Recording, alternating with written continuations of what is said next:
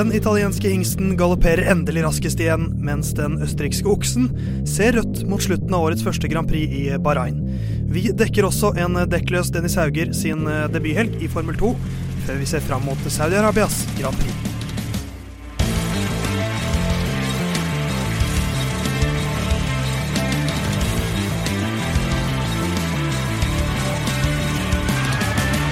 Forsa Ferrari må vel kanskje si som et passende ordvalg for å begynne den fjerde episoden av Lyden av Curbs. Du hører på Radio Nova, du hører på Theis Magelsen sin stemme, som eh, de neste minuttene, neste timen cirka, nesten eh, neste halvannen timen på lufta, skal eh, oppdatere deg på hva som har skjedd i Formel 1-sportens verden. Jeg sitter heldigvis ikke her helt alene. Jeg har med meg blant annet, ja, skal vi kalle deg fjordingen fra landgangen, Herman Borgstrøm. Hvordan går det med deg? Det går strålende med meg. Det er uh, moro at vi endelig er i gang med Formel 1. Uh, eh, morsomt resultat òg, med, med, alle mulige åpninger i veien videre. Ja, det, det, er absolutt en måte å si det på. Så har vi også med dø Dølahesten fra Tvedestrand, kanskje? Fra Tvedestrand? Eh, Tvedestrand? Ja. Er det der du er fra? Jo, det er fra Tvedestrand. Ja. Du høres ikke sånn ut, men Nei, det er riktig. Med meg går det bra. Det kunne jo alltids gått bedre, men det er jo at sesongen endelig er i gang, det har jeg jo sett lenge fram til. Eh, for meg personlig en liten nedtur eh, nå på søndag, men eh, ja. det er jo heldigvis løp igjen neste helg. Ja, Det er mye å ta tak i i dag. God, god følelse av Formel 1-sesongen i gangen. Sånn deilig sitring gjennom hele helgen. Savnet det. Ja, absolutt. Og jeg blei veldig engasjert under løpet. Jeg har ikke til vane for å, uansett hvilken sport jeg ser på, å bli sånn der teit engasjert, men, eh, men det blei jeg faktisk i, i helga. Det var veldig morsomt. Så jeg, jeg tror faktisk min interesse har skutt enda ja. mer til værs. Vil du si at du rev og slet i det lange håret ditt? Er det derfor det er kort nå? Eh, ja, da sier vi det. Du Jon, har fortsatt ganske langt hår, så du ikke Du som er den som du er jo den største Red Bull-fanen av alle tre i studio. Ja, altså jeg begynte jo å eh, følge Bytte ut eh, Formel 1 eh, for å ikke bli så Bytte ut fotballen for at det ikke skulle prege livet mitt så mye i hverdagen. Så langt så har ikke det fungert så veldig bra, fordi jeg var altså så forbanna søndag rundt klokka sju at jeg ikke helt visste hvor jeg skulle gjøre av meg. Ikke sant. Men du har heldigvis funnet veien hit, så du visste at du skulle hit. Ja, det gjorde jeg. Ja. Eh, så jeg har, eh, eh, det, det, går bedre nå, ja. men jeg var faktisk sur også nesten hele gårsdagen. Men du Herman, hyggelig at du møtte opp til tide denne gangen. Ja, jeg så jeg fikk noen stygge blikk fordi jeg kom litt seinere enn dere den gangen her òg, men ikke inn i studio, da, så det hadde ikke så mye å si for, for de som hører på. Nei. Så dagens episode av Lyden av Curbs vil naturlig nok bli preget av Bahrains Grand Prix, men vi skal også se fram mot Saudi-Arabias Grand Prix.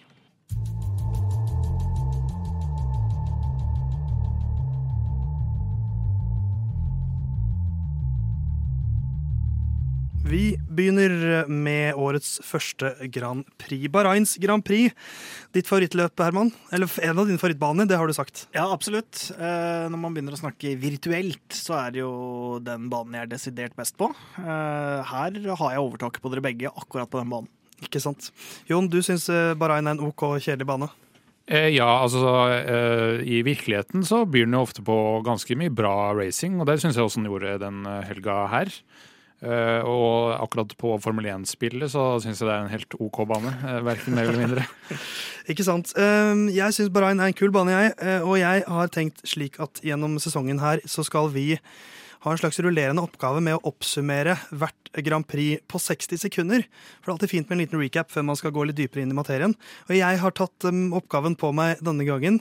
Eh, Jon Halvdan og eh, Herman har begge to funnet fram sine mobiler.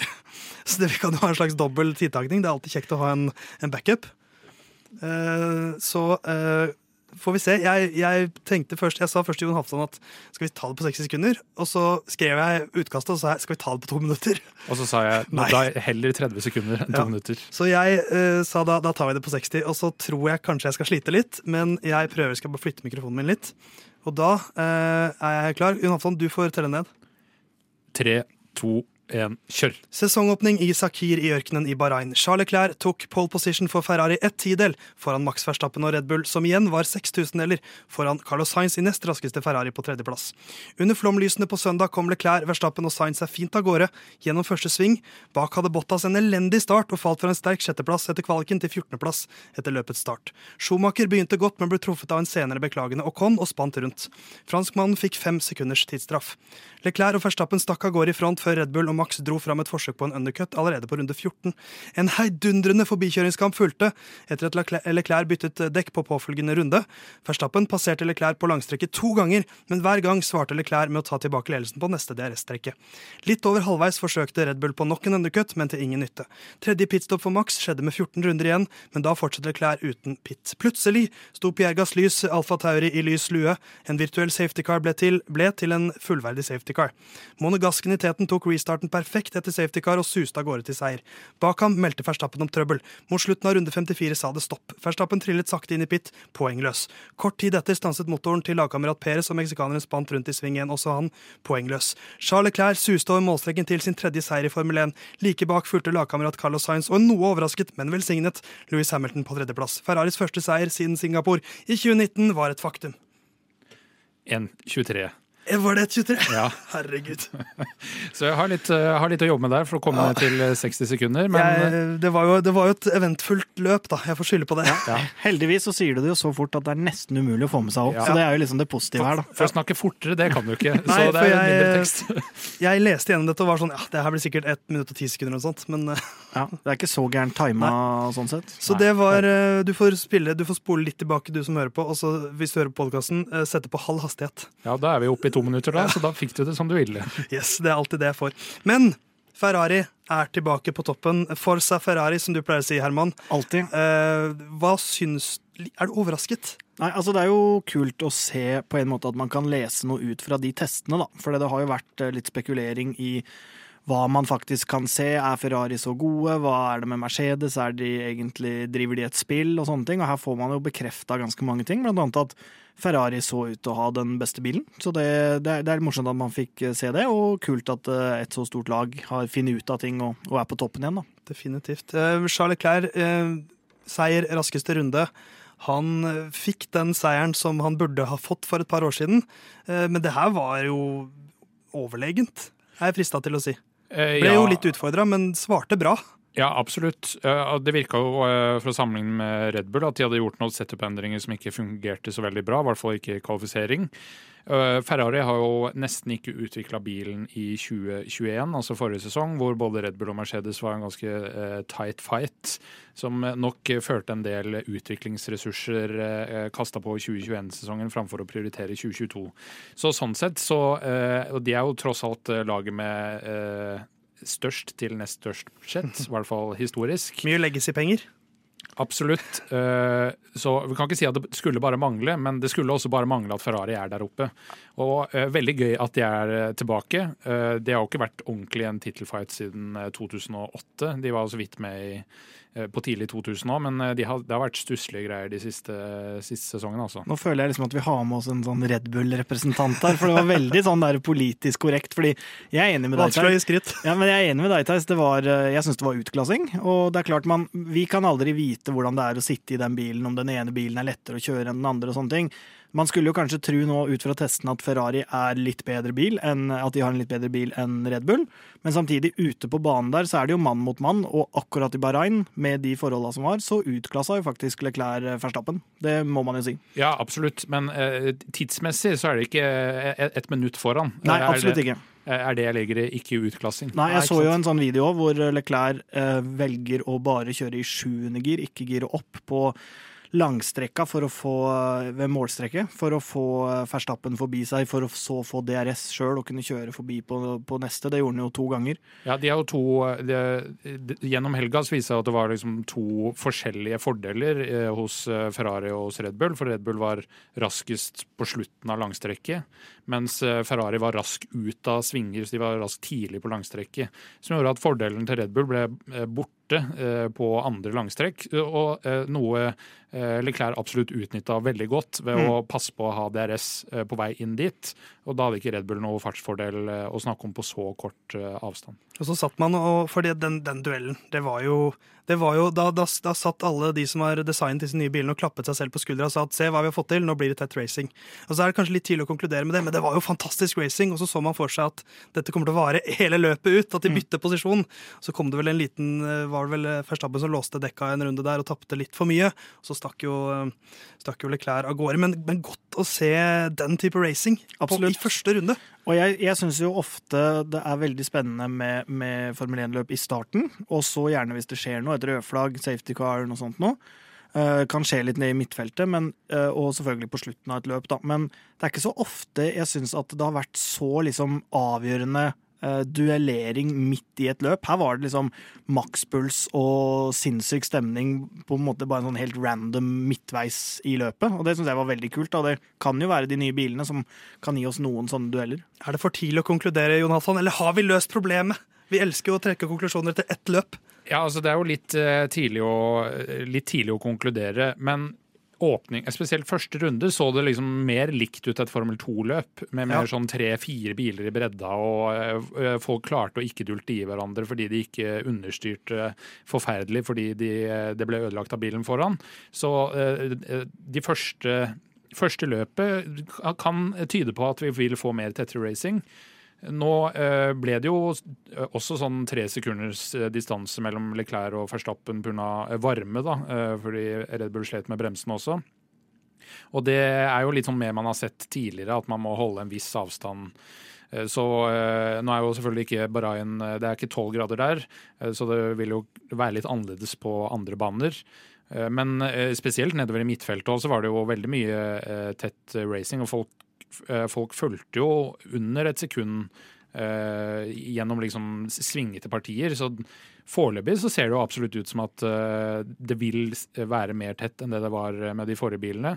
Men eh, dekka kan kanskje by på litt utfordringer, virker det som. Vi tillater oss å være forsiktige optimister, da, så skal vi komme um kanskje litt tilbake til, eh, til dekkpraten før Saudi-Arabisk Grand Prix. kan Vi gjøre. Men vi vi har, jo åpnet for spørsmål fra lyttere eh, på vår Instagram-konto. Lyden av Curbs heter vi der. Send på. Eh, vi kan jo ta et spørsmål fra Ole Røsvik før vi legger fra oss med Ferrari. For i vår rangeringsepisode, vår tredje episode, hører gjerne på den, gjerne på den så uh, rangerte vi Science over Leclerc. Uh, Ole lurer på om vi fortsatt står for at Leclerc ikke kommer til å slå Science i år, for her var det jo litt klasseforskjell mellom de to. Ja, det var det absolutt. Eh, men det er jo noen ting Selv om Science ble nummer to, da. Ja, han ble nummer to, men sånn som han sier sjøl òg, så var det jo Han syntes han rett og slett hadde en forferdelig race weekend. Ja, og fikk, seg selv. Ja, fikk ikke tak på bilen og sleit, og virka til å måle seg veldig mot uh, Charles. Uh, så det var jo kan, hvis han liksom underpresterte da, og kom på en andreplass, eh, egentlig kanskje en tredjeplass hvis ikke Red Bull hadde fått problemer, så kan han bli fryktelig farlig. Og så mener jeg å huske at vi sa at Leclerc er raskere, men at Science er jevnere. Og over en sesong så står jeg for at Sainz Science kommer til å være over Leclerc, men uh, det ser jo veldig tett ut, da. Ja, jeg skriver under på den. Ja, jeg er helt enig. Ja, da, da fikk du svaret ditt, Ole. Eh, vi må jo innom Red Bull òg, for det så jo ut til at det skulle bli andreplass til Max Verstappen, og også Sergio Perez var eh, høyt oppe. Og på siste runden av løpet så ryker først motoren til Pierre Gasly, og begynner, eller begynner bilen til Pierre Gasly å brenne. Så stopper det for Verstappen, så stopper det for Perez. Hva skjedde her, Jon? Altså, Krise? Eh, absolutt. Og eh, eh Red Bull-problemene de er de samme Eh, og det er eh, før sesongen her så bytta man til eh, det som heter E10-drivstoff, altså at det er 10% etanol. Og de nye drivstoffpumpene, som alle får de samme fra Formel 1, der i varme og med lite drivstoff så virker det som at den har overoppheta og stoppa. Eh, de, alle laga fikk lov eh, etter kvalifisering å eh, undersøke sin drivstoffpumpe og hadde mulighet til å bytte den. Red Bull undersøkte, men valgte å ikke bytte den, mens bl.a. McLaren de bytta. Så at de kanskje har vært litt underforsiktige, hvis man kan si det, i forkant av løpet, er jo en mulighet, og at det kanskje blir noen designendringer der. Når det gjelder Gasly, så er det MGUK-delen av motoren. Eh, det er jo eh, fire deler i eh, Formel 1-motoren. Du har den vanlige forbrenningsmotoren, turbo. Så har du MGUH, som eh, eh, lager elektrisk energi gjennom varme gasser fra turboen. Enkelt forklart. Den er veldig, veldig komplisert. Og så har du MGUK, som er eh, motorbrems. Og det var den som eh, tok eh, fyr eh, under løpet. Og det ser jo ikke veldig bra ut for eh, eh, Honda slash eh, Red Bull Powertrains. Og det er også da en mindre MGUK å bruke denne sesongen her.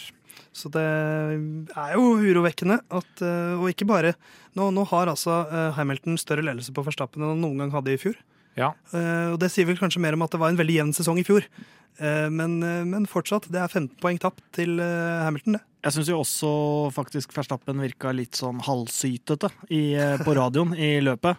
Det var noen uh, meldinger fram og tilbake der hvor han leita etter feil på bilen. Nå kan det jo også hende selvfølgelig at han merka at noe var feil før de fikk se det i garasjen, men det var jo noen uh, vekslinger fram og tilbake der hvor han mente at uh, det var noe gærent på bilen som ikke de kunne se, og det var på, på batteriet. Og på, og på styringa si, og det tror jeg jo var reelt, for de Ja. ødela vel en, en eller annen pod. Ja, et styresdag. eh, eh, På venstre eh, forhjul er vel det som har vært eh, rapportene, eh, i forbindelse med nedslipping av bilen under pitstoppet, som høres rart ut. Så Eh, my, mye, vi er vant til at Red Bull er liksom De har jo ikke hatt reliability issues i fjor, i hvert fall. Det gikk det som en klokke. Mens eh, her er det skjær i Og sjøen. så- Altså. Og så var han jo misfornøyd med utrunda, for da hadde han vel fått beskjed om at han ikke Ja. kunne gi full gass, og det skulle han aldri gjøre igjen. Og jeg syns det var litt sånn eh, ja, i motsetning til det han sier på den uh, Viaplay-dokumentaren, at han skulle være rolig og lugn og hadde nådd målet sitt, så virka han litt het i toppen akkurat i Bahrain, i hvert fall. Ja, han er nok eh, rolig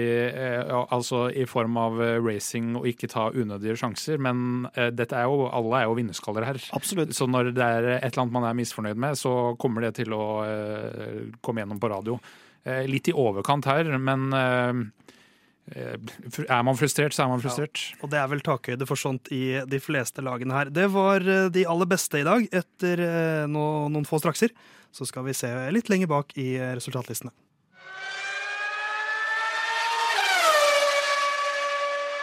Vi fortsetter vi med Bahrain Grand Prix Mercedes. Tredje raskeste bilen tror jeg vi kan konkludere med ganske konkluderende. Eh, Men fortsatt tredje- og fjerdeplass. Så nest raskeste bil poengmessig så langt. Ja, Jeg vet ikke om du husker eh, helt i første episode av podkasten her, da jeg skulle beskrive deg som førerteis, eh, så beskrev jeg deg som eh, litt Louis Hamilton i at eh, når eh, det skjer kaos, bare plutselig er du der oppe. Og det var litt sånn det var følelse i dag, eh, eller eh, på søndag. Eh, Louis Hamilton eh, og Mercedes eh, de lå jo ikke an til å kunne eh, avansere noe høyere enn den fjerdeplassen, eller femteplassen som de hadde, femte og sjette. Eh, Og så er de eh, på rett sted til rett tid, pluss at de jo da har bil som er driftssikker. Da. To finish first, first you have to finish. Eller tredjeplass denne gangen, da. Men uh, hva syns du om, uh, om det Mercedes leverte? De, de gjorde jo på en måte ingen feil, og så var Nei. de ikke competitive likevel. Nei, jeg begynner å spekulere i om ikke Mercedes kanskje har budsjettert med at de trenger et par eh, løpshelger på å få uh, bilen på plass. At de er ganske skråsikre på at de har funnet sin rette vei. Og budsjetterer med å måtte bruke de ukene det tar. da. Hvis de får si at de skulle få den soleklart beste bilen etter det er kjørt fem løp, så vil de fortsatt ha full kontroll på å vinne både fører og eh, konstruktørmesterskapet. Så jeg begynner å lure på om de faktisk har en, har en plan. Og så så man jo etter eh, safety car, så hang jo Nå vet man ikke når Peres fikk problemer og, og om det hadde gått utover bilen på noen måte, men man så jo at i hvert fall eh, Hamilton hang greit på Peres, men han så fortsatt å slite ut med å komme forbi, så uten at eh, bilen til Peres hadde streika, så tror jeg ikke han hadde kommet forbi, men det så i hvert fall ut som han var med å utfordre den, da, og det er jo noe. Ja, Han hadde motorproblemer eh, da fra safety car restart, Ja. Peres. Da er jo det for så vidt formildende, fordi han kom jo faktisk da ikke forbi før, før den gikk helt i dass med Ja. bilen til Peres. Så sies det nå at, eller Noen rapporter er at de er, det er til Emilia Romagna, altså Imbola, at der skal visstnok Mercedes nå si at der er vi der løser vi noen problemer innen den tid. Så de har jo da gitt seg fram til, til da. eh, Så praktisk for deres del at det, er, det er jo løp nå på søndag, men så er det jo to uker mellom eh, Saudi-Arabia og Australia, og så da fram til Imola. Så, så de, de, treffer jo sånn sett det kanskje, kanskje litt bevisst. Eh, at I starten så er det jo litt lengre pauser av og til. Men, eh, men hvis vi skal se på sjåfør-lineupen deres, Aion, hva syns du duellen Louis-George Russell? Det var jo Louis som slo han både i kvalik og Russell surret bak der og var med i løpet og ble nummer fire, men det var ikke mye vi så til han. Ja, altså Hovedforskjellen i kvalifisering var tabbe fra Russell på siste runde, som gjorde at han ikke avanserte noe lenger opp. Og i løpet så vet jeg ikke helt hva Mercedes drev med på strategisida fra med hensyn til Russell. fordi da Hamilton gikk fra De starta på softdekk, og så gikk han over til harddekk og tilbake til medium. Og, der, ja. ja. og etter han bytta til medium, da var fortsatt Russell på harde dekk. Og da kjørte Hamilton tre sekunder raskere per runde eh, en periode der eh, på mediumdekk sammenligna med de harde dekka. Så hvorfor Mercedes lot Russell være ute så lenge på de harde dekka og ikke ta han inn også, det er jeg veldig usikker på. Eh, men jeg, vil tro at det, er tettere enn det det ser ut nå. Ja, det, det, mistenker jeg vel også. Eh, så Mercedes, eh, uvanlig lite definerende for eh, løpet. Men vi kan gå videre ned på resultatlista til et comeback på nivå med Jesus. Kevin Magnussen han ble nummer fem, Herman, og du sitter der og smiler. Det flotte smilet ditt. Ja, det stemmer. Du er glad da? Ja, jeg syns det var veldig kult. Eh, og en liten sånn der eh, pekefinger til Mick Schumacher, som er litt sånn eh, golden boy. Ja, han hadde en spinn tidlig da, som ikke ja. var optimal. Han ble nummer elleve, men fortsatt. Men han får se hvor, hvor, landet ligger, så det er jo på en måte mer, mer det enn at akkurat i det løpet her så ser han at nå skal han konkurrere med en som kan komme topp fem, da, rett og slett, i, i, løp. Og det var utrolig kult. Det er jo ikke noe, det er ikke til å komme unna det, som, som det ble sagt under løpet mange ganger. Og han skulle egentlig ikke kjøre Formel 1 i det hele tatt, og så kommer han, og så er han raskest på en, en, av testene med de omstendighetene som var der, og så gjør han det bra på kvalik, og så gjør han det såpass bra i, i løpet. Nei, det, det, er rett og slett en liten eventyrfortelling. Ja, det var uh, fint å se Hass igjen. Absolutt. Altså, det har gått fra Bare på den uh, i forkant av løpet på uh, griden, så, så uh, på FN-TV så får du se en gridwalk, og der var de sveipa det innom Gynter Steiner, som smiler ektefølt for første gang på mange sesonger. Ikke, ikke sånn ja, hva skal man si, melankolsk smil, men et ekte smil. Ja, og de trengte ikke pipe, bipe ut noe heller i løpet av den korte snakkesekvensen. Ikke sant. Eh, og eh, Magnussen ser jo eh, altså Det, det var nesten oppe og kriga litt med Mercedes der en periode. Mm. Han er startrask, så han er ja. alltid med i starten. Og Hvis, hvis de hadde hatt en litt annen strategi, eller Mercedes hadde gjort noen tabber, så hadde det fort vekk vært oppe og splitta de to Mercedesene. Han sa jo i et intervju etterpå at han egentlig nøyde seg med å være det de før i tida kalte liksom best of the rest.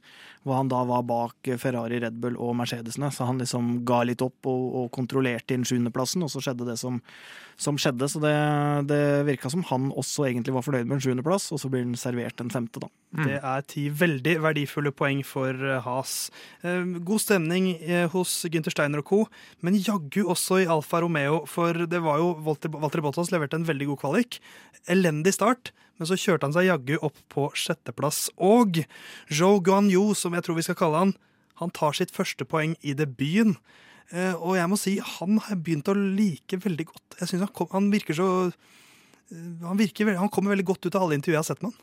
Og veldig gøy at han tar poeng uh, i debuten. Absolutt. og i kor. Ja, ja, ja. Nei, det er veldig kult. God stemning her òg. Bottas der òg, som uh, er kasta, som man får, uh, får det inntrykk av, ut av Mercedes.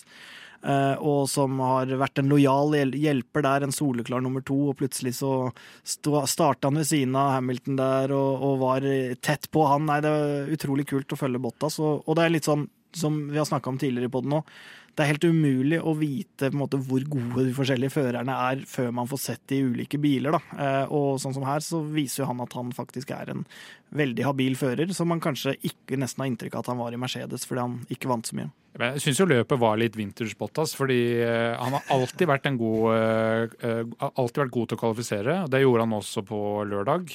Har Eh, innimellom slitt med løpsstarta og falt mange plasser bakover. Det skjedde også eh, på søndag.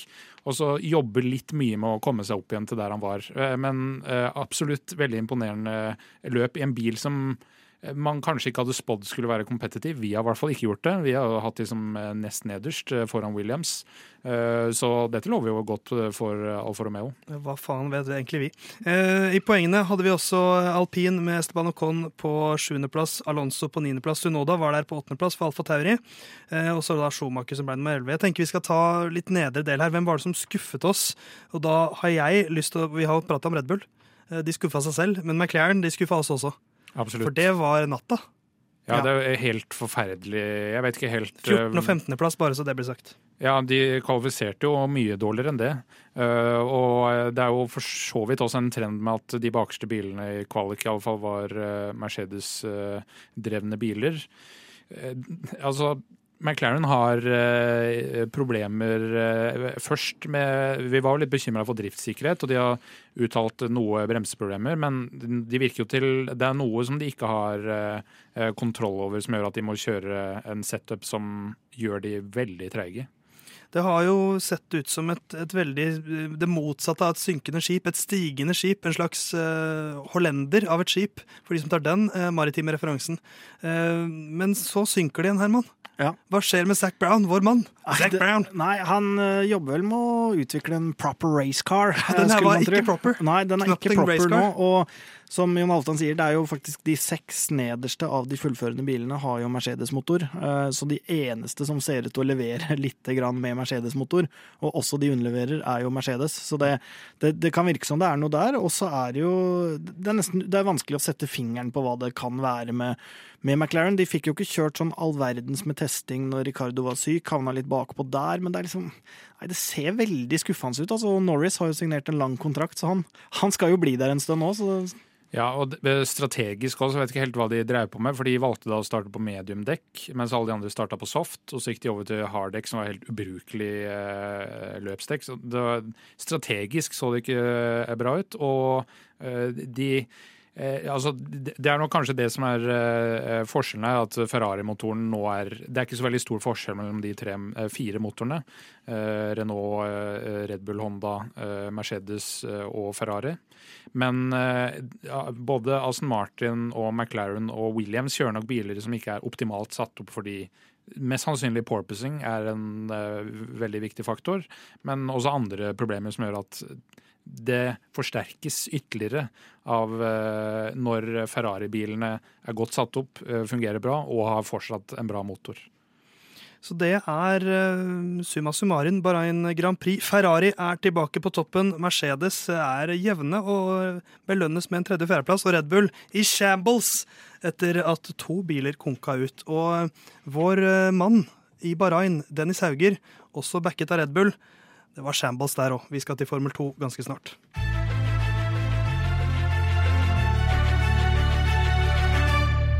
Formel 2-sesongen er også i gang med vår mann Dennis Hauger, som jeg kaller han av og til, men jeg har begynt å si Dennis Hauger oftere og oftere. Eh, han har kjørt sine første Formel 2-løp. Det er jo da en litt eh, annerledes race weekend, hvor de har en kvalifisering og så et sprintløp, og så et ordentlig løp, eller feature race, hovedløp, kan vi kalle det. Richard Vershaar vant uh, sprintløpet. Theo Porcher, en av storfavorittene, vant uh, hovedløpet. Mens for Dennis Hauger, han Ja, det begynte ikke så bra i kvaliken, Jon. Jeg kan vel si at det var en forferdelig helg overall. Ja, Eh, men det starta eh, dårlig i kvaliken. Eh, han kvalifiserte på 13.-plass, 15.-plass. Husker ikke helt. Ikke jeg heller, men det var ikke helt til toppen. Nei. Og dette er jo da en mann som gjerne vil fighte om å vinne hele greiene. Og endte opp med en niendeplass i, i sprintløpet, som er jo da best av de som ikke får poeng. Så, um, så, hadde han en, det var en spesiell taktikk fra Prema-laget som han kjører for, hvor de, de prioriterte at deres førere skulle få klar bane i kvaliken, sånn at de fikk færre forsøk. Og da Hauger da eh, tabbet seg ut på et av de få forsøkene han fikk, så ble det, ikke, så ble det 15.-plassen, ser jeg. Men i, i, hovedløpet så kjørte han egentlig ganske bra. Det så lovende ut. Han var på vei framover. Og så skjedde hva, Herman? Nei, da går han inn i pit eh, og skal få på et par nye hjul. Det var vel under safety car der òg, Ja. så de skulle ta liksom en strategisk manøver der. Ja, og det her skjer jo da med to biler samtidig, rett og slett hvor de begynner å kjøre før, eh, før det venstre fordekket er skrudd på, så de slippes vel ned fra jekken, hvis jeg husker riktig, og begynner å kjøre, og hjulet triller framover.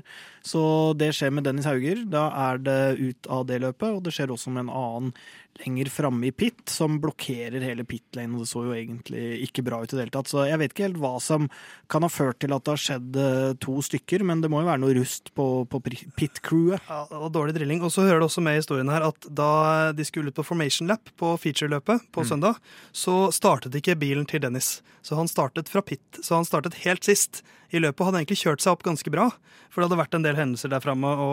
Han var heldig med safety car ja. tidlig i løpet, så han eh, dro inn de 20-30 sekundene han lå bak eh, nest siste plass. Han hadde begynt å plukke litt og begynt å liksom snuse litt på poeng, som hadde vært veldig bra etter å ha starta fra pit. Ja. Og så skal han pitte strategisk, og så var yes, jeg, jeg satt og ble gira. Nå pitter han, nye dekk. Perfekt. Og så skjer det her. Det er ikke ofte vi ser. Eh, Kommentatorene også, som kan mer om Formel 1 enn oss, de ble også ganske sjokkert. Ja, nei, det er uh, Sånn unsafe release er det liksom sjelden. Og så har jeg ikke helt fått klarhet i om eh, For det er jo noe som heter Lollipop-mannen i Formel 1. Det var han som Ja. sto før med det her uh, break go-skiltet. Det er jo nå bytta ut med lys. Så jeg vet ikke om de bruker det lyset over førerne i Formel 1 eh, eller, Nei, i Formel 2. De gjør det i hvert fall i Formel 1. Eh, så det er jo enten da det som i praksis er Lollipop-mannen, som er han med frontdekken, eller lyset sin feil. Ja. Eh, Og så er det jo klart at det er jo eh, 13 runder totalt i eh, Formel 2.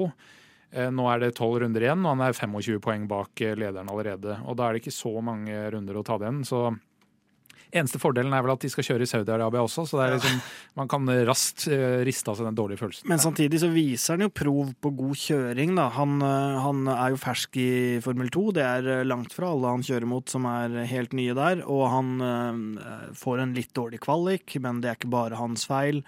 Eh, Så får han en eh, grei sånn der eh, første løp, og i det hovedløpet så kjører han seg opp på glimrende vis, nærmer seg poeng, og så er det på en måte ikke hans feil at de ryker ut. Så det er klart at resultatmessig så er det jo en katastrofehelg, men sånn kjøremessig og erfaringsmessig så er det langt fra sikkert at det er det. Og han Harald Heusmann, som, som er manageren hans, jeg hørte en annen podkast hvor de intervjua han, og han sa at de kunne ikke regne med at Dennis skulle ta poeng eh, med det aller første, at han må få litt tid til å tilpasse seg. Så det, man skal ikke se bort fra at det, at det var forventa. Nei, altså, hvis, altså det, det var jo Den første sesongen hans i Formel 3 var også veldig anonym. Da, da var han vel på poengplass sånn typ to ganger, eh, mens andre sesongen, da herjet han jo. Eh, men så er spørsmålet om han kan, kan man tillate seg noe sånt i Formel 2, for han, han har ikke Han er jo ikke noen paydriver på samme måte, så, så han må jo Blåkleder betaler ikke så mye, Nei, tror jeg. så jeg, jeg føler jo at Dennis han må levere bra for at Red Bull skal velge han videre. Og har han råd til å ha en sånn innkjøringssesong, da må han være veldig god neste år. Ja, nå jo, hadde jo Yuki Sunoda det, da, men det, han drar med seg noen eh, sponsormidler også i, til Alfa Tauri. Spørsmålet er jo når er det, det åpner seg rom da i Alfa Tauri, og det er jo eh, når Peres og eller Gasly forsvinner. Eh, sannsynligvis for Sunoda virker de å ville satse på, så forutsatt at han gjør det bra. Eh, men det kan jo fort vekk være plutselig tre ledige seter i de bilene, og da må du ha vunnet Formel 2 først. Så eh, det beste hadde vært om det var denne sesongen. Men det, er ikke, det er ikke fullstendig over hvis det blir neste, men da må han også få muligheten. La oss håpe at Dennis ikke går, for, for det er jo, han er jo en ung mann. Det er litt sånn, jeg, jeg frykter jo det litt, at, sånn, at han vil for mye nå. Og så er det jo litt urovekkende hvordan Prema så ut. Ja. Eh, Det viktigste er å ikke begynne med å, sånn, å hoppe, hoppe mellom serier og hoppe over på Formel E f.eks., for, eksempel, for da er veien tilbake til Formel 1 eh, mye, mye vanskeligere. Så vi ønsker eh, vår mann Dennis Hauger, som Herman pleier å si, lykke til også på neste helgs løp.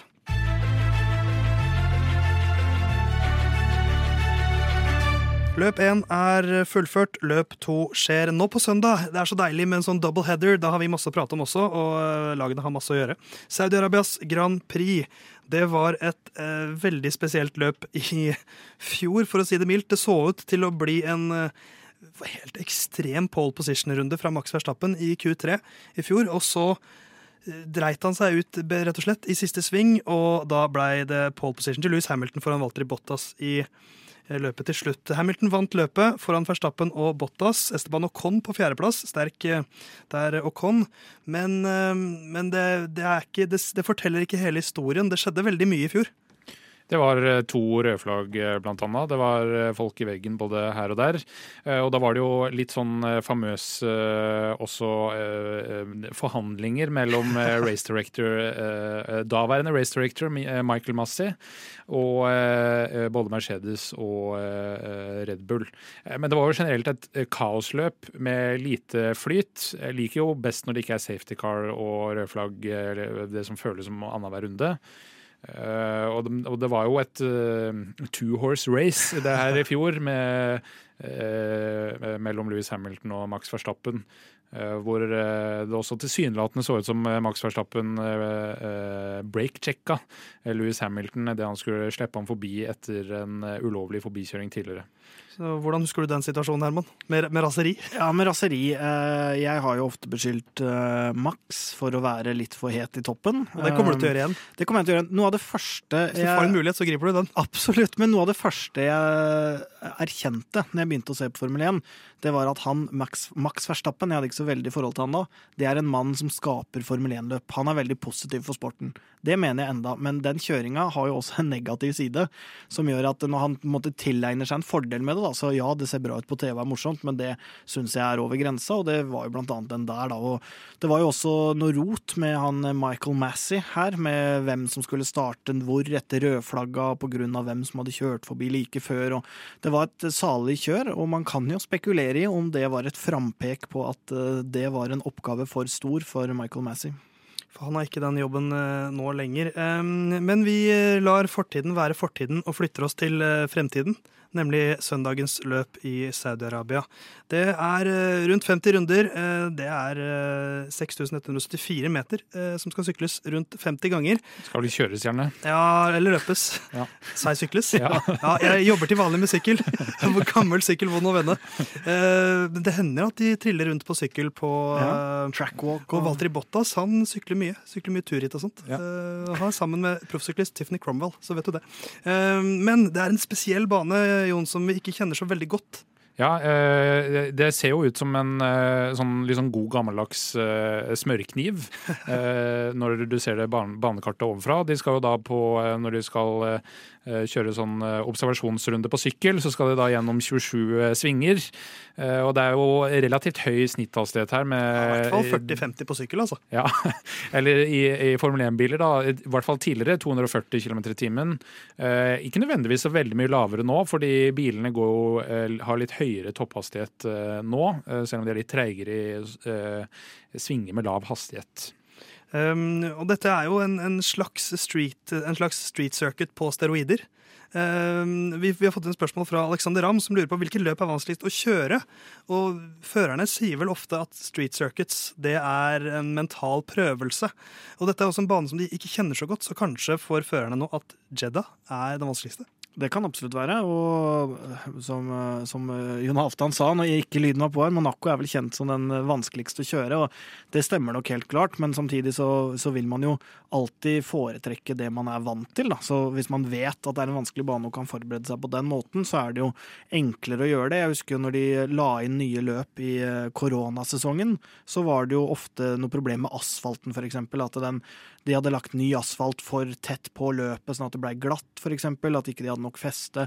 Eller traction. Sånn at det, alle mulige faktorer som kan være ukjente, er jo ting som kan oppleves som vanskelig, og i så måte være det, det vanskeligste løpet de møter. Men de beskrev jo uh, Jedda, som uh, banen uh, heter, som ganske sånn Uh, når man først kom inn i det, så var det liksom god rytme i banen. Uh, og uh, det er jo i Monaco flere sånne lavhastighetssvinger som er veldig teknisk krevende, så jeg tror kanskje den er et lite hakk over. Men jeg tror det er ikke for Show Guanyu inn på den banen her med premiere, så det kan nok være litt mer utfordrende enn det Bahrain var. Og så um, får vi se da hvem er det som um, har favorittstempelet på seg nå. Uh, Mattia Binotto, uh, sjefen i Ferrari, han mener jo fortsatt at de er outsidere. Uh, de er i en utfordrerposisjon. Det er rått å si når du er nummer én og to, altså. Og har pole også. Ja, men jeg er enig med den, selv om Ja. det er veldig kjedelig å være det. Men, men altså, med det Verstappen leverte i fjor mot en veldig god Hamilton i en god Mercedes, eh, og Red Bull har sett bra ut på testene, og så jo bra ut selv om ikke de så best ut nå, så vi snakker jo litt om at eh, Sainz kan komme over Leclerc fordi han er jevnere. Da skal man jo ikke utelukke det samme med Verstappen over de begge, som kanskje er jevnere og bedre, pluss at Red Bull kan fortsette å utvikle bil. Så eh, jeg skjønner hva han mener med at de er en outsider, selv om det er dørgende kjedelig for en eh, teamleder å si. Hva syns du, du, Jon? Kjøper du ordene til Mattia, eller er det bare sånn klassisk eh, teamlederprat? Det er vel litt smokescreen. eh, Altså, man ønsker jo å senke forventningene. fordi Hvis man sier nå at vi er absolutt eh, favoritt Ja, vi etter, i år. etter ett løp i sesongen, og hvis du da ikke klarer å levere det, da er du ikke veldig populær mann i Italia. Så det er nok lurt å ta det, senke forventningene, men jeg tror de kommer til å være med der oppe hele veien inn, med mindre det er noen skulle finne noen sinnssyke tideler eh, i løpet av biloppgraderinger eh, gjennom sesongen. Eh, Men Charles Leclerc, sist han, sist han vant et Formel 1-løp, før Bahrain, da vant han sitt andre på rad. Han vant jo i Belgia og Italia i, i 2019. Så han, han er, er han litt sånn um, streak-fører?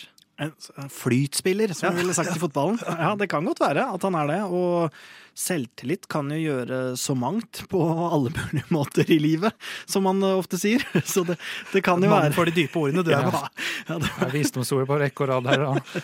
ja, så det kan godt hende det. Jeg ble litt satt ut av meg sjøl.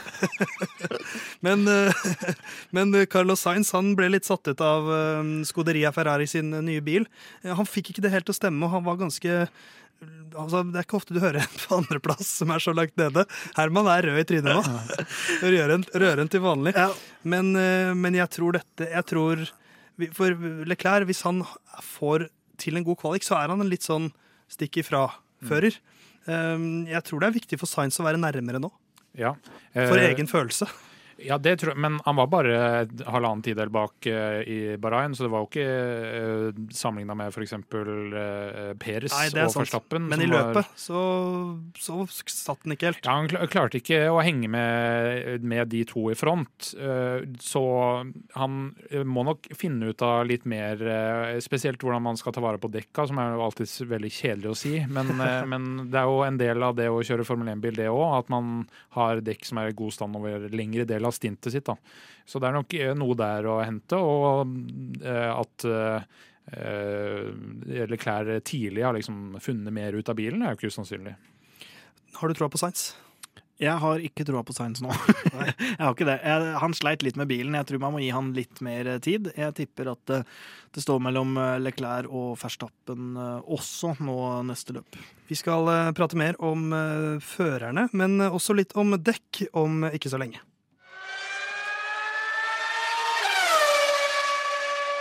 Bilene suser videre gjennom eh, Formel 1-sesongen. Det er Saudi-Arabias Grand Prix på søndag. Herman, hva gleder du deg mest til? Jeg gleder meg mest til å se om vi får, på den norske sendinga i hvert fall, det er jo ikke alle som følger den, eh, men om vi får se Mika Hakkinen og David Coltard ute på, blant førerne like før, like før løpet går i gang. Fordi Viaplay har fått en ny avtale med de, og det er jo eh, veldig bra eksperter. Man får jo en unik tilgang, eh, innsikt, hele den pakka der. Det tror jeg er veldig positivt. men det var et tidspunkt, bare et par minutter før løpet skulle starte, så sto de liksom på, på en måte på indre bane, da, ute på asfalten der. Og så plutselig går de og tar tak i Horner og prater litt med han, og han er hackenen på dårlig engelsk. Det var helt en bisarr episode. Og så går de videre og bare liksom blant føreren og hilser litt på noen sjeiker, og kameramann bare følger bak og liksom eh, panorerer rundt. Så det var en helt bisarr og intens episode, og på et tidspunkt så kommer det eh, ei dame forbi som er kledd i en slags sånn lateksdrakt. Og han sier, sier han Coltard på den der nesten skotske dialekta si med jeg vet ikke hvilket lag hun støtter, og ler litt sånn av hun. Og, det var ikke metoo-aktig, men, men Nesten. ja, det var i hvert fall lite grann. og, og kameramannen panorerer liksom ned langs den her latekskledde kroppen på en sånn Det var bare bisarr TV, Ja. som jeg anbefaler alle altså liksom De som ser det på den norske sendinga, hvis det her dukker opp igjen Det, det var sånn 20 minutter før race starter. noe. Det, det er verdt å se den sendinga bare for det, altså. Så Herman gleder seg til flere bisarre scener fra Saudi-Arabias Grand Prix, forhåpentligvis. Eh, Vi var så vidt innom det i forrige segment her, Jon. Eh, Dekkene. Eh, Vi har et spørsmål fra Helene Pedersen. Du der hjemme, send oss gjerne spørsmål på Instagram. Lyden av Curbs heter vi der. Eller på post at curbs.no på e-post. Og Helene lurer på om vi eh, tror på at det blir en tendens nå med flere pitstop. Eh, For det var mye pitting i første løp, og du har lyst til å prate litt om dekk, Jon. Eh, Jeg har lyst til å prate litt om dekk. Det er jo nye dekk denne sesongen her med 18 tommer felger istedenfor 13 tommer, som de hadde tidligere. Eh, Så da har Det er vel det eneste min bil og Formel 1-bilen har til felles. Eh, Det Altså, da uh, f- eh, Louis Hamilton uh, pitta til uh, harde dekk og kom ut av pit Jeg, jeg tror ikke jeg har sett noe lignende på Nei, lang iskaldt. tid. Han så ut som han eh, var, hadde satt seg i en Formel 1-bil for første gang, for han hadde nada grip. Eh, grep. Altså han kom Nada grip. Eh, grip og grep. Eh, på vei ut av pit der. Han klarte nesten ikke stoppe og eh, slanga seg bortover eh, de to-tre første svingene. Og det tok lang tid før eh, eh, i det hele tatt eh, eh, kom opp i temperatur. Og eh, det er jo tilbake til forstappen som var så sur på at han måtte kjøre sakte på outlap, eh, altså runden etter pit. Det er jo eh, fordi man må være veldig eh, snille med dekka eh, tidlig i stintet for at de skal holde hele veien ut.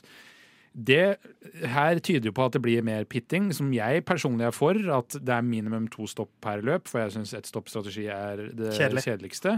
Eh, Men at dekka skal være sånn megabegrensende for eh, racing, ønsker jeg jo ikke, da. Så det er jo en litt sånn hårfin ja. balanse her. Eh, men foreløpig, dette var også de hardeste dekka de har, eh, Pirelli, i sortimentet sitt. så eh, det er eh, nok sannsynlig at vi ser eh, flere stopp enn tidligere. At kanskje to stopp blir den nye normen framfor ett stopp.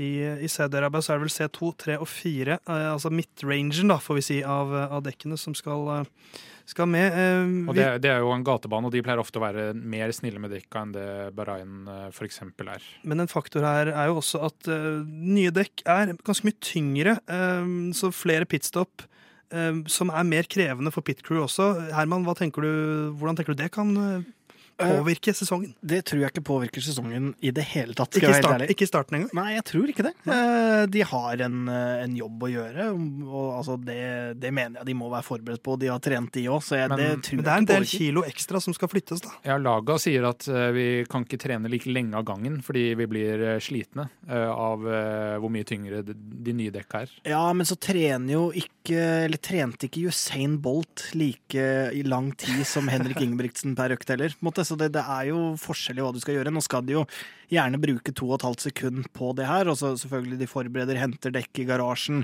Men hele intervallet må jo være på en sånn 20 sekunder eller noe sånt nå. Eh, Så det, det er jo ikke veldig lang arbeidstid. Nei, men eh, du skal jo være eh, pinlig nøyaktig da, for at det skal gå på eh, to og et halvt sekund. Ja, men nøyaktighet blir på en måte noe annet enn styrke og tyngde for min del. Jeg tror ikke det påvirker sesongen. Her i treningspodden så tror vi kanskje at det blir flere pitstop, men kanskje at det ikke har så mye å si teknisk da, for selve pitstoppinga, men flere pitstop betyr jo mer strategi. Um, Ferrari har vi prata litt om. Red Bull har jo fart i bilen sin, men når det ender på den måten i første løpet, så må det jo ligge mye usikkerhet i alle gutta som har Red Bull bak seg nå. Red Bull-motor, altså. Uh, ja, nei, altså den eh, drivstoffpumpa da, som ramma Mercedes, det, det, var, det er jo ikke mm, Red Bull Eller- som lager de. Uh, nei, som uh, ramma Red Bull. Uh, Ja. Unnskyld, ikke Mercedes, dessverre. Mens motorproblemene til, til Gasly, de er jo noe man gjerne bør finne ut av ganske raskt hvorfor skjedde, sånn at eh, man kan unngå at det skjer under løp, og eventuelt ta en eh, ny, eh, ny del, da. Eh, altså en ny MGUH. Unnskyld. Det er lett å holde de to atskilt, men, Ja, men jeg tror jo eh, altså I og med at det var flere ting som gikk gærent, da, og med begge bilene Én ting er jo den her eh, pumpa eh, som, som viser seg å være en feil på. Det er sikkert, ser jeg for meg uten at jeg har noen som helst forutsetning for å si noe, det, at det er en ganske enkel ting å fikse. Men her var det jo også noen problemer med styringa underveis. Han mistenkte jo kanskje at det var noe gærent på på turboen, selv om ikke det viste at det var det. Så det er, det er jo en del ting som slår inn her, og de fikk jo en dårlig start. Man kan jo se for seg at en aggressiv fører som Verstappen eh, kommer til å komme inn med et enda høyere tenningsnivå nå. Han vil jo ikke at Luka skal bli noe større. eh, Sånn at eh, jeg tipper jo at de føler på en litt mer spenning enn det de gjorde før Bahrain. Ja, men de er nok mer hevngjerrige. Altså, nå har man jo funnet ut av at uh, Visstnok så har en del lag funnet ut av potensielle problemer med den drivstoffpumpa under testing, mens eh, Red Bull har ikke kjørt like mye løpssimulering, så de har ikke støtt på de samme problemene, de. Så derfor kom det litt overraskende på.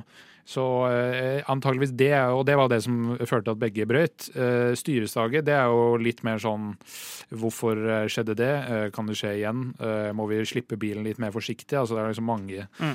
forskjellige eh, ting der. Eh, bremsetemperatur. Eh, Er det mindre varmt, så vil i hvert fall det hjelpe. Eh, Ligger man først også, så vil det også det hjelpe, for det er mye varm luft bak bilene. Det skader aldri det. Vi eh, har jo en slags tippekonkurranse her. eh, der vi, vi skal se hvem av oss tre som eh, tipper mest riktig gjennom sesongen. eh, hvor vi før hvert løp tipper topp tre og vår på en måte driver of the day. Eh, jeg bomma ganske solid. Jeg tippa Verstappen som vinner, og så tror jeg hadde Science Leclerc og Landon Norris. Var min, var, min, var min driver of the day. Eh, han ble dam nummer 15 av 17 biler som kom seg i mål, så det var jo ikke klaff. Eh, husker dere hva dere tippa? Ja, jeg hadde Peres på første. Jeg hadde en teori om at Verstappen og Hamilton ville kjøre ut hverandre. Verstappen røk ut, så jeg tar sånn halvt poeng på den. Eh, så hadde jeg Science på andre. Eh, Det er jo faktisk 100% treff. Og Russell på tredje. Der har jeg jo Mercedes, på en måte, så jeg syns jeg har truffet ganske greit. Og din mann var Magnussen, var det ikke det? Jo. Ja, det var riktig, det. Ja, så helt, og, helt ok. Og du, Jon? Ja, min mann var også Kevin Magnussen. Eh, Jeg hadde da Verstappen på førsteplass, Peres på andre og Carlos Sainz på tredje. Så kunne truffet bedre. Det, det kan, kunne du gjort. Eh, Vi skal gjøre det samme for eh, Saudi-Arabias Grand Prix, siden du traff så jævlig godt selv, mener du, Herman. Ja. Kan ikke du begynne? Eh, Topp tre, og hvem overrasker? Ja, Verstappen på første, Leclerc på andre. eh, Og jeg tror faktisk vi setter Hamilton på tredje. Så det eh, Jeg tror vår mann, Science, fortsatt må vente litt grann på å komme ordentlig i gang. Driver of the day blir uh, Valtteri Bottas. OK. Um, du hadde da Verstappen, Leclerc, Hamilton? Ja. ja. Um, Bottas som uh, og Bottas som driver today, og du, Jon? Eh, Jeg tror også at den Red Bull-bilen sin høye topphastighet vil være en fordel på banen her, så jeg setter Max Verstappen øverst, forutsatt selvfølgelig ingen tekniske problemer.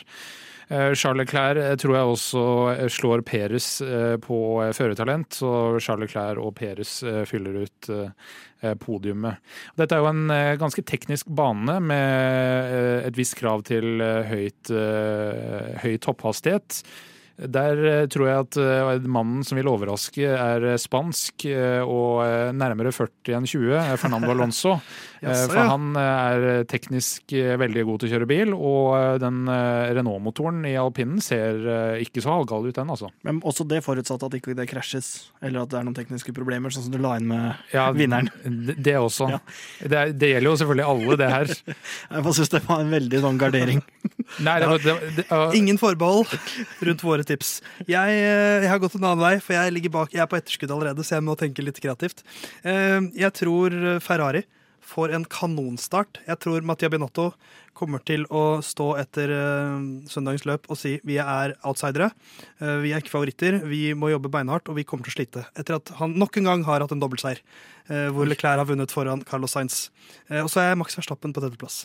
Eh, jeg, jeg ser kanskje for meg at Verstappen tar pole, men at eh, et eller annet skjer med Red Bull denne gangen også, som gjør at han får et eller annet dårlig pitstop, eller noe sånt, og så eh, deiser han ned på tredjeplass.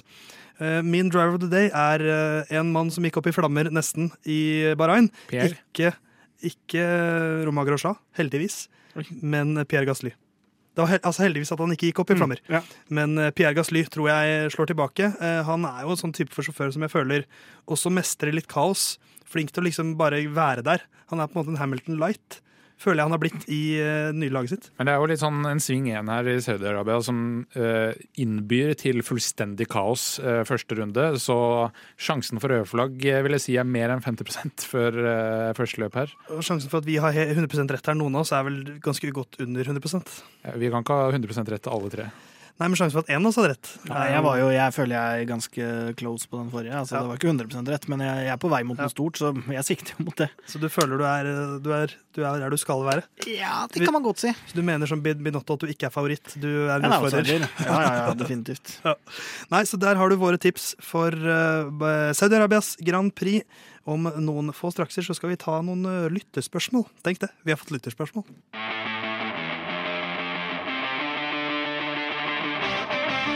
Vi er et eh, radioprogram og en podkast om Formel 1 som eh, gjerne tar imot innspill fra deg som hører på.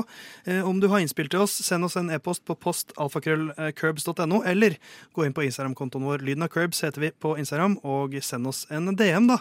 Eller så skal vi prøve å være flinke til å legge ut en liten post der du kan kommentere spørsmål til sendingene våre. Det har Klaus Holm Fjellro, gjort, så jeg tenkte vi skal ta en liten Klaus spesial spørsmålsrunde her nå. Eh, Gjerne litt sånn utradisjonelle spørsmål om Formel 1 også. Det kan være løst knytta til Formel 1 eller til oss. Så vi begynner rett og slett. Hvem ville dere helst hatt som svigerfar? Lawrence Stroll eller Gunther Steiner? Lawrence Stroll, Stroll er da eieren av, eh, eller sjefen, mann bak Aston Martin-laget. Gunther Steiner er eh, eh, team director i Haas. Eh, hvem ville du hatt som svigerfar av de to?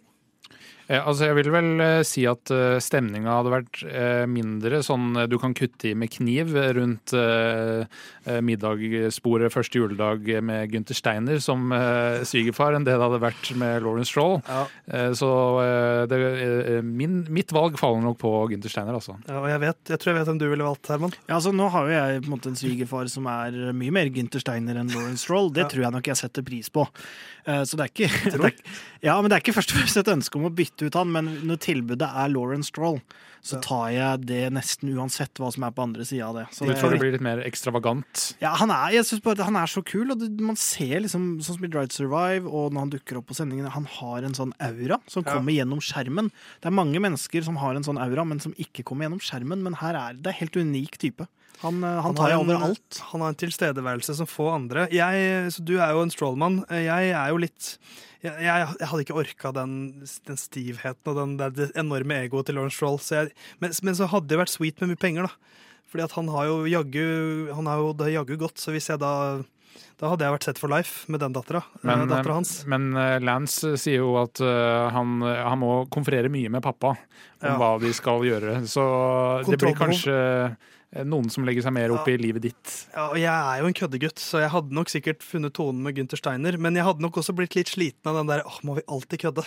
For jeg liker å være litt oppriktig og ekte av og til òg, og det har jeg ikke inntrykk av at han er. Men, han, men jeg går nok for Gunther. ja, han har nok en, en eh, tørrere side i og med at han har kommet dit han har kommet. Også, altså. Ja. Det er jo også eh, nok en kjedelig Drive to Survive-referanse, men han er jo ganske ryddig og fin, egentlig, med maserpinnen der, eh, Ja. når, det, når det har koka litt og sånn. Så jeg tror nok ikke han bare er sånn som han fremstår utad. Et nytt spørsmål fra Klaus, eh, som du kan få svare på først, Jon. Hvem er best på å sutre, Max Verstappen eller Herman Borgstrøm?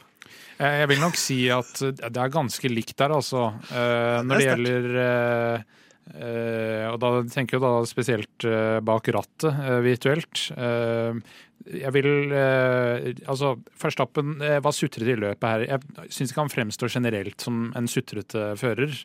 Eh, Det gjør derimot Herman Borgstrøm, Eh, så jeg må nok si eh, Herman. Ja, hva syns du, Herman Borgstrøm, om hvem som er mest sutrete av Max Verstappen og Herman Borgstrøm? Nei, jeg kan være enig i at jeg er litt sutrete bak, eh, bak rattet. Egentlig til vanlig òg. Særlig sånn Selvrefleksjon? Ja, altså jeg kan Jeg føler sjøl at jeg håndterer liksom store ting veldig bra når det skjer noe liksom øh, ja, av en viss karakter. Men sånn småtteri, det syns jeg er veldig kjipt. Så jeg, Det er liksom klassisk sutring. Mer på sutring enn klaging. Men så skal det jo sies at uh, Verstappen er ganske grusom der. Og så den der tilbake hvor han sier til Hamilton at sånn går det når ikke du gir plass, når han akkurat har nesten knust nakken på Hamilton i eh, Monza Ja. der. Så, så han er han er han sutrer, han òg, altså. Men det er jo Det er jo Jeg syns alltid det er litt vanskelig, for det er, det er mye sutring fra alle bak det rattet. Mm. Og så- tror jeg nok at vi hører mer fra toppførerne, fordi at de er mer interessante. Uh, Det sutres litt fra Hamilton også til tider. Ja, ja. Uh, Og uh, er det, er det noen som ikke sutrer, egentlig? Ja, det- Ricardo, kanskje. Det- han syns jeg alltid bare sier, sier, ofte- understood. Ja, og så OK, I'll drive faster. han er den, Jeg vil faktisk si at Ricardo er den eneste jeg aldri har hørt sutre. Eller Men, som, men så er det jo litt, litt broadcasterens rett da, til å velge ut det her. De, altså, de har jo all makt. poeng. Det er jo litt Det er jo klassisk eh, 'jeg har blitt feil framstilt i Farmen', eh, med tanke på hva som kommer ut av eh, Eller, ja. ja, hva som kommer ut på, på sending. Som, det vet man jo aldri helt, med mindre man faktisk følger den, den dialogen. Men jeg er enig i at alle sutrer lite grann, men jeg syns Verstappen sutrer litt mer enn mange. Det, vi, vi får ha en sånn sutrecounter Og så er det jo- gjennom sesongen. Greit å nevne at Klaus, som sender inn spørsmål her, som kjører Ja. ekstremt hakkete, eh, er faktisk en mann som skaper enorm sutrasjon, som jeg kaller det. Klaus er da en eh, som vi spiller mye Formel 1-spill sammen med, så han kjenner vi godt. Vi kan ta et siste spørsmål fra vår gode venn Klaus. Hvilken fører ville dere helst hatt med dere på en øde øy? Og jeg tenker også, hvilken ville vi ikke hatt med oss? Så jeg vil ha på en måte begge to her. Hvem vil vi ha med, og hvem vil vi ikke ha med? Ja, Jeg, jeg vet i hvert fall at jeg, jeg, jeg er ikke så gira på å sitte der med, med Lance Stroll. Eh, for han virker bare så kjedelig. Du glemte jo faktisk å ta stilling til hvem som sutra mest av meg og Ja, det er nok deg. Ja, det er greit. okay, men det er kjedelig å få den i Ja. Ja. Eh, Altså Man kan jo si at uh, å ta med seg uh, danske Kevin hadde gjort at man ikke nødvendigvis trengte å snakke engelsk uh, hele Det er et godt poeng. Ja, må, ja, det vet ikke jeg, etter å ha sett det intervjuet på, på Viaplay. om- Men jeg, med, med dans så kan for min del så kan folk nesten si akkurat hva de vil, så det hadde måttet foregå på engelsk der òg, så det er ikke noe fordel for meg. Og jeg vet ikke om jeg syns han virker som verdens hyggeligste fyr. Eh, Jeg tror jeg ville hatt med Sebastian Fettel, jeg. Ja, fader Ulland, Der sier du det. Jeg var og satt og tenka på Latifi, for jeg syns han virker så sympatisk. Ja. Så jeg, jeg, jeg joiner den. Jeg, jeg dropper uh, Stroll, og så tar jeg med meg uh, Tar jeg med meg Fettel. Det er veldig lett å si Ricardo, føler jeg. Eh, og jeg har jo litt samme musikksmak som Ricardo, som er eh, litt viktig for min del. Men spørsmålet var ikke Nei, hvilken fører men- og en stereo Nei, kan men du ta jeg med deg på en antar jo at vi kan jo høre på litt musikk. Det må jo være lov. Eh, og det er lett å si Norris, som er en sånn tøysete spillegutt. Men det er Men- ikke noe dataspill på den eh, øde øya. Nei, men det er lett å kunne tenke seg at litt grann må være lov. Sier jeg akkurat det samme igjen. Ta med en Gameboy. eh, Ja, ikke sant, lite grann må være lov. Men jeg hadde valgt enten Louis Hamilton eller Mick Schumacher, og jeg hadde valgt Mick Schumacher og venta helt til han sa hvordan det går med faren. For å endelig få finne ut av det. Og det er ikke, det er ikke negativt lada, men det er, hele verden lurer jo på det, og ingen vet det annet enn familien. Ja. Da hadde jeg også visst åssen det gikk. Her gjør vi det plutselig litt mørkt. Ja, litt mørkt gjorde jeg det, det er jeg enig i. Det kan bli en veldig depressiv stemning på den øya hvis du sitter og poker han hele tiden. Du, du åssen går det med faren din? ja, jeg, jeg er enig i det, men I don't want to talk about it. Eh, det ble Ja. mer Toto Wolff. Men Hamilton var også høyt oppe. Uh, Syns Ja. han er eh, veldig han, Det er liksom litt eh, global hiphop-stjerne over hele typa. Jeg føler Fettel ville hatt altså, Sjansen for å bli redda hadde jo vært større med Hamilton. Ja, ja, det kan du definitivt Så føler jeg Fettel er mer Han, han hadde blitt sånn Han hadde liksom funnet løsninger på Han hadde laget ting som gjorde at vi fikk ly for eh, solen og all sånn destilleringsgreier som vi kunne Han er jo en smart fyr. Altså rydda hele stranda for Ja. eh, søppel. i Ja, ikke minst. Ja, da, altså Jeg kunne bare lent meg tilbake og, hatt, og tatt livet med ro. Så er han morsom også. Ja, det er den faktisk. Eh, Jeg har jo eh, ofte vært inn på YouTube og søkt noen der eh, press interview funny Fettel-variant. Og det er faktisk overraskende mye moro. Eh, så det kan anbefales. Så eh, kjør på med flere spørsmål. Eh, Instagram, lyden av Curbs heter vi der, og uh, Curbs alfakrøll post dot Nei, motsatt. Post alfakrøll curbs.no.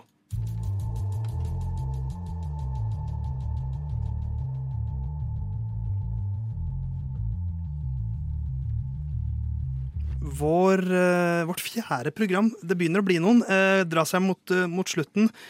Det blir, eh, dette er jo en double header. Eh, Neste uke er det neste helg er det da ritt, eh, rittpause. Jeg sliter med sykkelsjargongen. Altså. Er det løpspause? Jeg skal prøve å skjerpe meg. Eh, Så da, da kan vi jo dykke virkelig ned i Saudi-Arabias eh, Grand Prix. Eh, Skal du se løpet live, Herman? Det er alltid en utfordring. Oh, ja, jeg tror faktisk det. Det, er, det bør gå fint for min del å se det live. Eh, dere har jo en, nok en gang en stående invitasjon til å se det på Grünerløkka, som dere sikkert ikke benytter dere av nå heller. Takk Ja. for oppmøtet. Det er jo eh, eh, kvalifisering klokka seks på eh, eh, lørdag, og klokka sju er løpet på søndag. Og det skjer også noe annet på søndag. Vi stiller klokka en time fram. Så det er viktig eh, å eh, huske på det, så du ikke du kommer en time for seint ut i løpet. Ja, men hvis ikke du har fått med deg det klokka 19.00, så, så er du litt bakpå uansett. Ja, da, det er lurt å, da får du fort i deg frokosten, tenker jeg. Er det det du pleier å være, gjøre, Herman? Du glemmer å stille klokka hver natt, sånn at du alltid er litt bakpå? Mm, jeg svarer, svarer ja på det, ja. Solid svar. Uh, Noen siste bevingede ord, Jon? Eh, Det ligger jo an til, eh, i hvert fall med forrige, fjorårets løp, eh, i friskt i minne, så blir dette et eventrikt løp. Så får håpe det blir det også denne søndagen. Noen siste bevingede ord, Herman? Uh, Eller sutrete ord? Nei, nå skal jeg stikke og trene fotball, og sikkert skade meg og sutre over det neste gang vi er her. Alltid fint å ha noe å sutre over. Og Alltid fint å ha en podkast om Formel 1 og et radioprogram om Formel 1 å høre på. Lyn og Curbs er tilbake neste uke. Kos deg med Saudi-Arabias Grand Prix.